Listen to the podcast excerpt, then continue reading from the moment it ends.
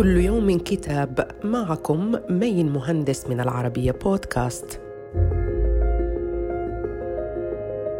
كتابنا اليوم بعنوان صالح عبد الحي فارس الطرب. للشاعر والباحث المصري محب جميل.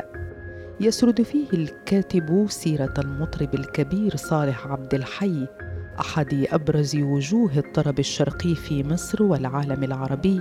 خلال النصف الأول من القرن العشرين فصالح عبد الحي لم يتزوج ولم ينجب وعاش حياته طولا وعرضا للغناء ولنفسه لكن اسمه ظل خالدا باعتباره فارس الطرب الأصيل وحامل راية الغناء المصري.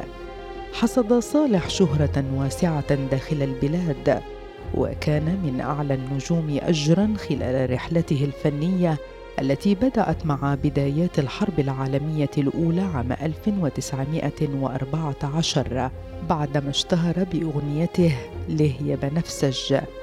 كما يعرض فيه الكاتب مواويل إنسانية عكست معالم الحياة الثقافية وقعها صالح عبد الحي في مسيرة حياته.